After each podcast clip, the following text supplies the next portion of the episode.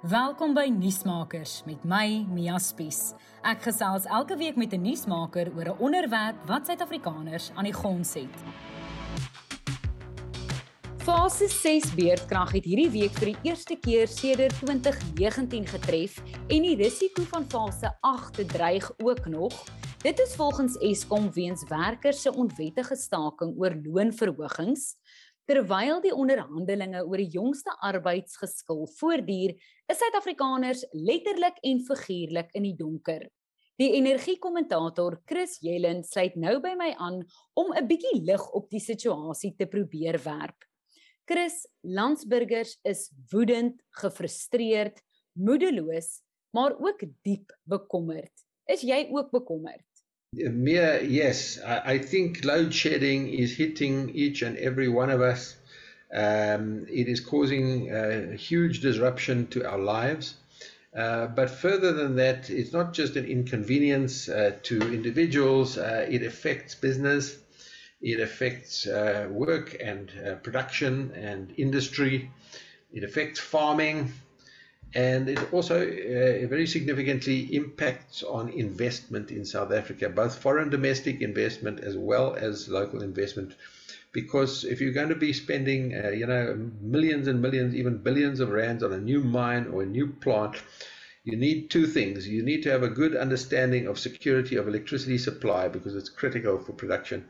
And you also need to have a good understanding of the electricity price going forward. We don't have either of those. And so uh, these load shedding is driving away investment and that impacts on jobs and the whole economy. So yeah, I am worried, but I do want to say there are solutions if we do the right thing. Chris, net voordat ons by daai oplossings uitkom, ons weet Eskom sê natuurlik die rede hoekom ons nou in fase 6 is, dit is die ergste situasie in jare is as gevolg van hierdie onwettige staking, maar die probleme strek baie dieper as dit. Wat gaan eintlik aan daar op die oomblik? Kan dit net die staking wees wat tot hierdie krisis gelei het waarna ons hierdie week sit? Ja, yeah, um it's true. Uh the problem, the endemic problem, uh, you know, existed even before this industrial action, uh, before the strike action by Num and Numsa. Of course, the Num and Numsa strike uh, made things worse, but we were already experiencing stage two to stage four load shedding even before the industrial action, uh, which then pushed it up to stage six, and it could have gone to stage eight but it seems to be uh, receding uh, because uh, it looks like the parties are back at the negotiating table. A settlement has not been reached yet, contrary to what Minister Gordhan said. Uh, but the two parties are back at the table uh, talking. I heard today that Num and Numsa have actually rejected Eskom's revised wage offer of 7%. So it's not over yet, but at least they're talking um, and they are moving back to work, which is um, uh, alleviating the situation. But the problem remains. And the problem simply is that the old plant, old Eskom fleet of power stations, is getting older every year and performing worse every year. And that's to be expected. Um, and the, also, the problem is that the new power generation capacity that is Medupi and Kusile, uh, is firstly coming on seven years late. It's still not completed. It should have been completed in 2014. Uh, and that which is coming on stream is performing like old plant.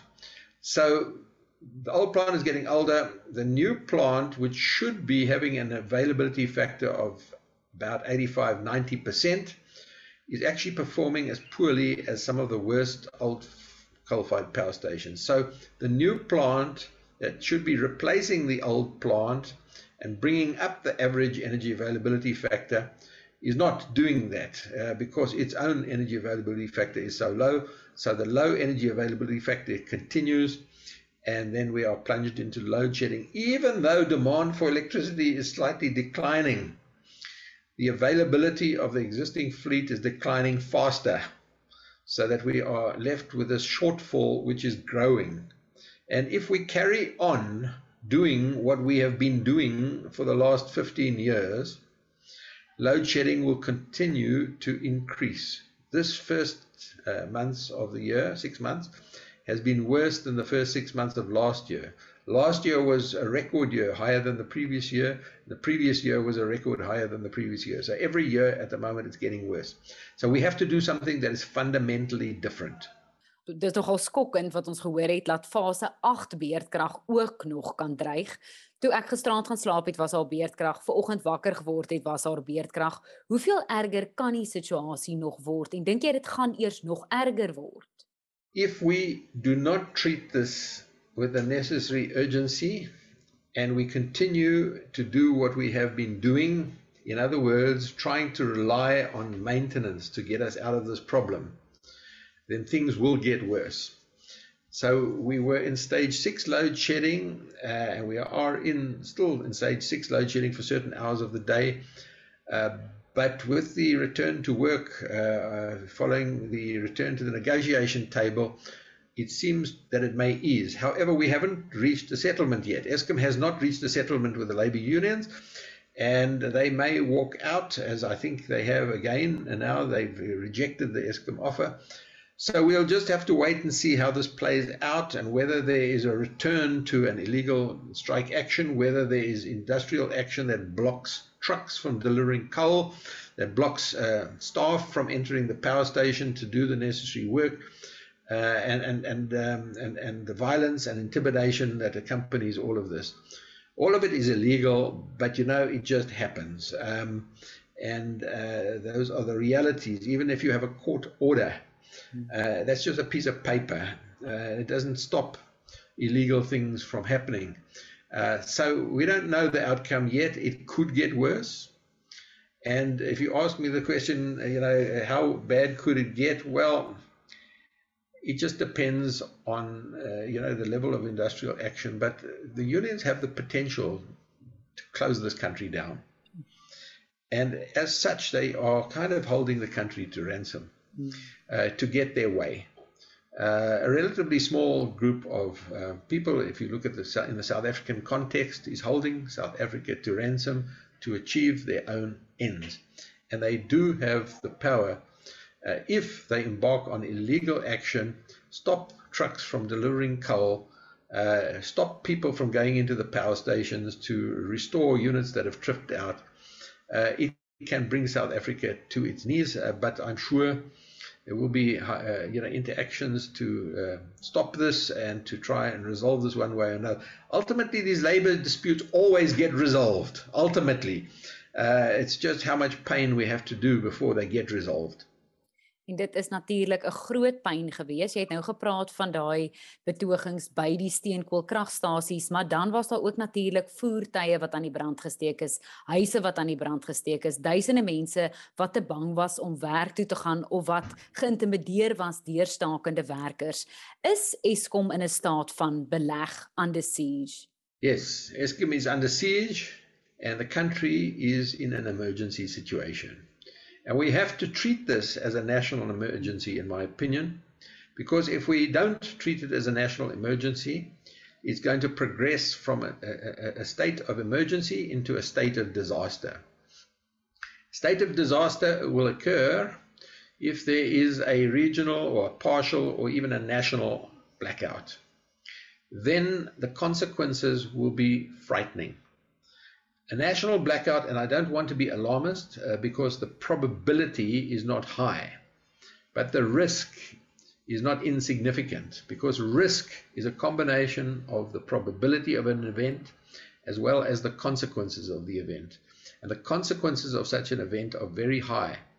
So, I mean, can you just imagine the scenario of not having power for two weeks? You will not be able to use your cell phone because your batteries will be flat you will not be able to draw money from an ATM, so you won't have cash. You will not uh, be able to buy things in the shops because your credit cards won't work, uh, and the shops will close. Uh, you will not have water in the taps. Uh, you will not be able to buy petrol. The whole country will be plunged into darkness. And I can tell you there will be widespread looting because people can't buy food. So there will be violence and social unrest and looting across the country on a scale which makes what happened in Durban and Gauteng on that previous round of looting, it will look like a Christmas picnic. Uh, so the consequences are absolutely too horrendous. Uh, that is, but again, again, I must say, the probability of that happening is low, but the risk is not insignificant because of the high consequences. It has happened in other countries. It could happen in South Africa. Although I think we are well practiced in load shedding. Other countries have not had 15 years of load shedding practice to put in place load shedding schedules and all that is required to try and manage uh, the balance between supply and demand. But uh, the risk is there, and we have to deal with it, and we have to put in plans, firstly, to make sure that load shedding is controlled and the national blackout uh, doesn't happen. But we've actually got to bring new generation capacity onto the grid and fast. Almal hou nou natuurlik asem op om te sien of daar ooreenkomste met hierdie onderhandelinge tussen Eskom en die stakende werkers gekry kan word. Ehm um, maar al gaan die werkers vandag terug werk toe, kan dit weke vat vir kragproduksie om natuurlik te herstel soos dit was. Soal is dit nie daai worst case scenario nie al word dit vinnig opgelos. Ons sit nou nog steeds met 'n agterstand oor hierdie laaste paar dae se protesaksie. Yeah. So Eskom has indicated, the CEO, Mr. Dorata, has indicated that uh, they have, in this last few days, been struggling to get units back onto the grid that have tripped out because the necessary staff are not on site because they either on strike or else they have been intimidated from attending and that there are certain power stations where like 90% of the staff are not on the power station. So First of all, the units that have tripped out are not getting back onto the grid. Second of all, there has, I'm told, been a level of damage in the plant, uh, which uh, could possibly be attributed to either acts of omission or acts of commission. Uh, acts of commission may be deliberate acts designed to stop production. that is the definition of, of what what what. Uh, what sabotage is. So there is a potential that there has been damage in the plant. So even when these people start, the workers and the staff and the engineers and the technicians start returning slowly to work. And it doesn't happen that they all come back to work immediately. They kind of wait and see the situation, if it's uh, intimidatory activity is decreasing, and when people feel safe enough, they get go back to work. So uh, people are starting to return to work. Hmm. Uh, but then they have got to attend to uh, getting units back onto the grid, and Eskom say they are struggling. Uh, then they've got to fix up problems and damage that may or may not have been caused. Eskom has indicated that it could take some weeks before they get back to normal. So I don't know the answer myself, but I, I can only say what I'm hearing from uh, Eskom itself. Jy het nou natuurlik gepraat oor sabotasie. Ons het 'n paar weke terug ook 'n onderhoud met Eskom se bedryfshoof Jan Oberholzer gedoen wat ook gesê het um hoe groot probleem sabotasie is. Wie sal Eskom saboteer? Weet mense wie dit is en hoekom word daar dan nie aksie teen hulle geneem nie? Yeah, the problem is that we don't know who is actually doing it. We, we can see the results of sabotage. Eskom have got evidence, for example, that certain power lines were deliberately collapsed in order to disrupt power to a power station. They can see that these things were cut. They can see in the power station that there were certain cables uh, that were cut uh, and not just uh, damaged through wear and tear or something like that. Uh, and, and certainly this damage in the power station is taking place in restricted areas where uh, only certain types of staff uh, go in. So they know in certain instances there is evidence of sabotage, but they don't know who. Uh, and it's not so easy to find out because uh, people are covering their tracks. Why are they doing this, and what is the what is the motivation for doing it? Well, there's many uh, uh, issues. Uh, for example, just poverty. People are stealing cable, stealing lines, stealing steel, copper. Uh, now, that may not be really classed as sabotage. Uh, it's just a criminal act of theft. Um, but it results in lost production. There are other people who may have a grievance, like uh, a, a wage grievance and um, they are doing damage to plant in order to stop production and apply pressure on Eskom to reach a settlement.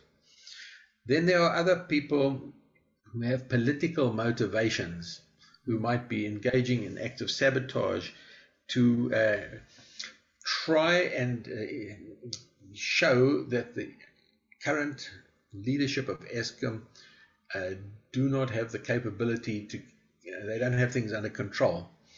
Uh, you know that the new management at Eskom are clamping down on um, corruption and uh, maladministration and uh, closing down of various networks and activities that result in revenue streams um, uh, for the wrong people um, at the cost of the taxpayer. And of course, those people will fight very hard to protect their revenue streams, their illegal revenue streams.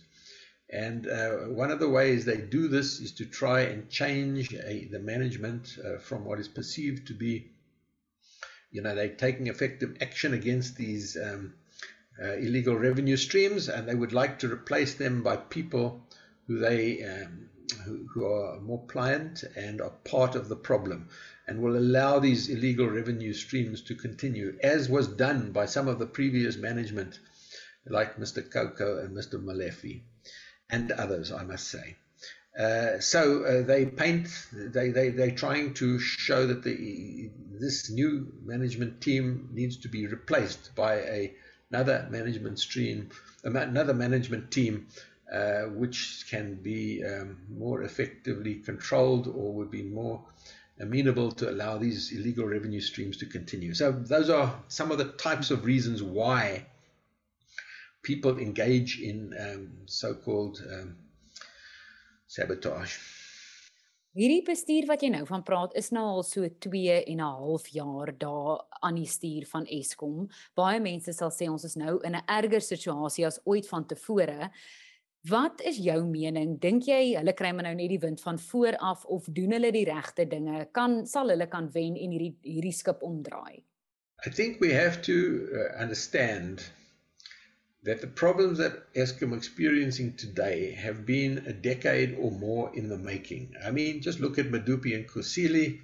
Uh, those orders were placed in 2008 and the project should have been finished in 2014. The design problems that we are currently finding have got nothing to do with the current management, nor has the long delays and the corrupt activities got anything to do with the current management. That's the first thing to say. The second thing is, are they, uh, you know, getting on top of the situation? And again, I must say, we have to recognize that the new management team at Eskom are operating with their hands tied behind their back.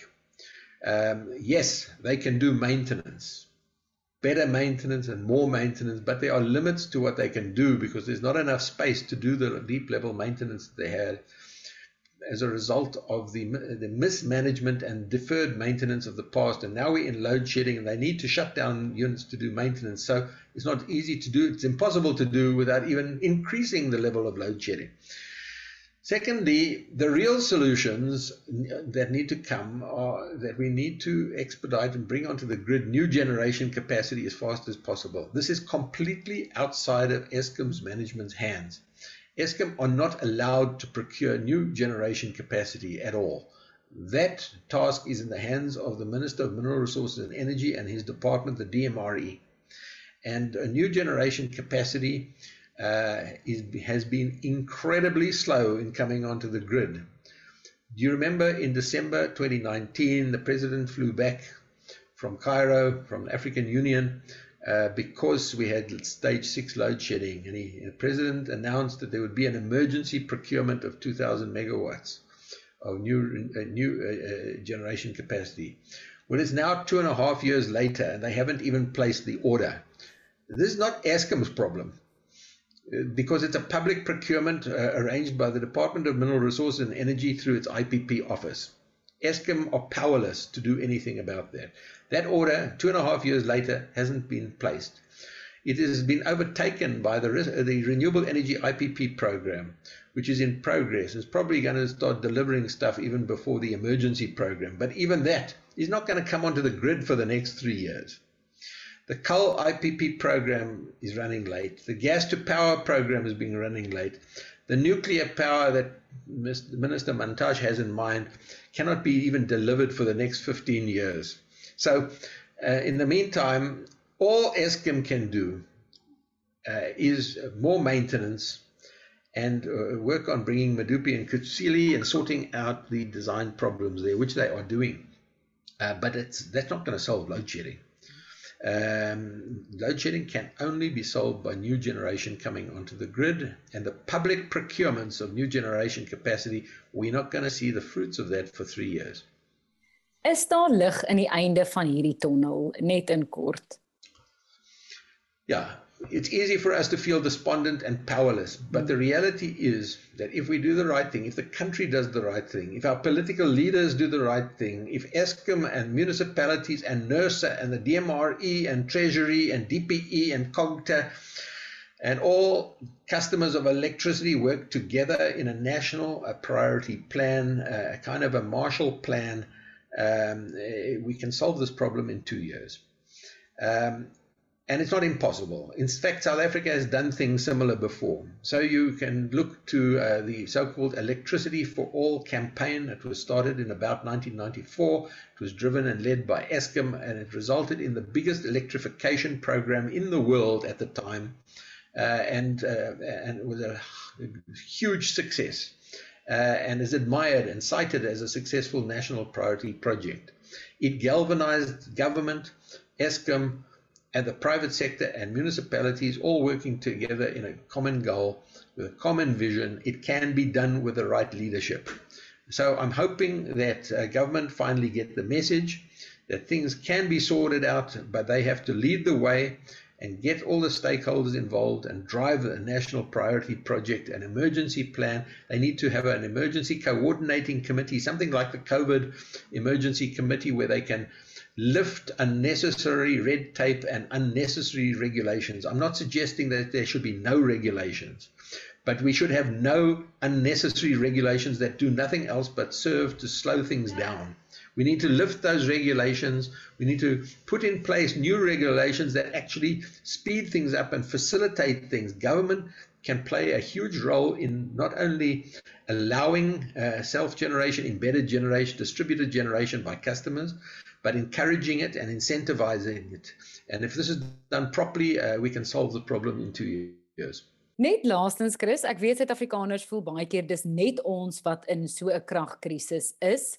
Daar is natuurlik nou um, baie nuusberigte gewees van 'n land soos byvoorbeeld Australië wat nou aan die, in dieselfde bootjie is, dalk nie so erg nie.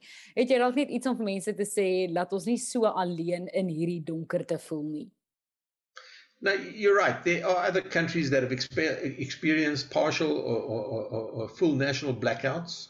Uh, Australia has its own uh, problems right now, but they're not as deep rooted as, as, our problems, and they haven't been going on for 15 years. Uh, and, and, and so we, we can never expect 100%, you know, over the, uh, you know, 15 years.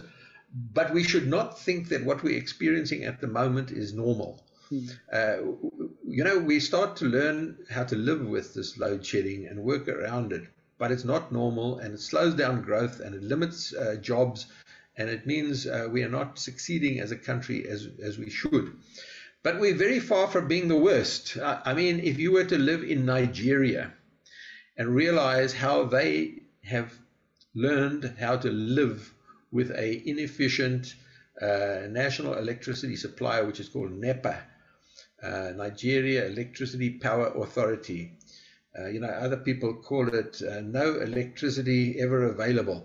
Uh, no, you know, people make jokes about uh, them, just as we now make jokes about Eskom and ISHCOM and this sort of thing. But the point is that other countries uh, have kind of learned to live with this, but we should not live with it and accept it. We need to do what is necessary to not just survive, we need to do what is necessary to be a, a successful country uh, that can compete on the world stage. That is what is necessary to apply to get uh, levels of employment, education, healthcare, living standards uh, uh where we want it. The levels of poverty, inequality, and um, uh, and, and, you know are just unacceptable. Um, and and uh, we have to get this economy moving. And we should not be held to ransom by a small group of people, uh, you know, who shut down the country for their own ends. Nuusmakers met Mia Spies is 'n produksie in samewerking met die Potgooi Produksiehuis Volume. Ons vervaardigers is Roland Perolt en Kairen Blau. Moenie volgende week se episode misloop nie wanneer ek weer by 'n kenner aanklop om lig te werp oor 'n kwessie waaroor ons meer moet weet.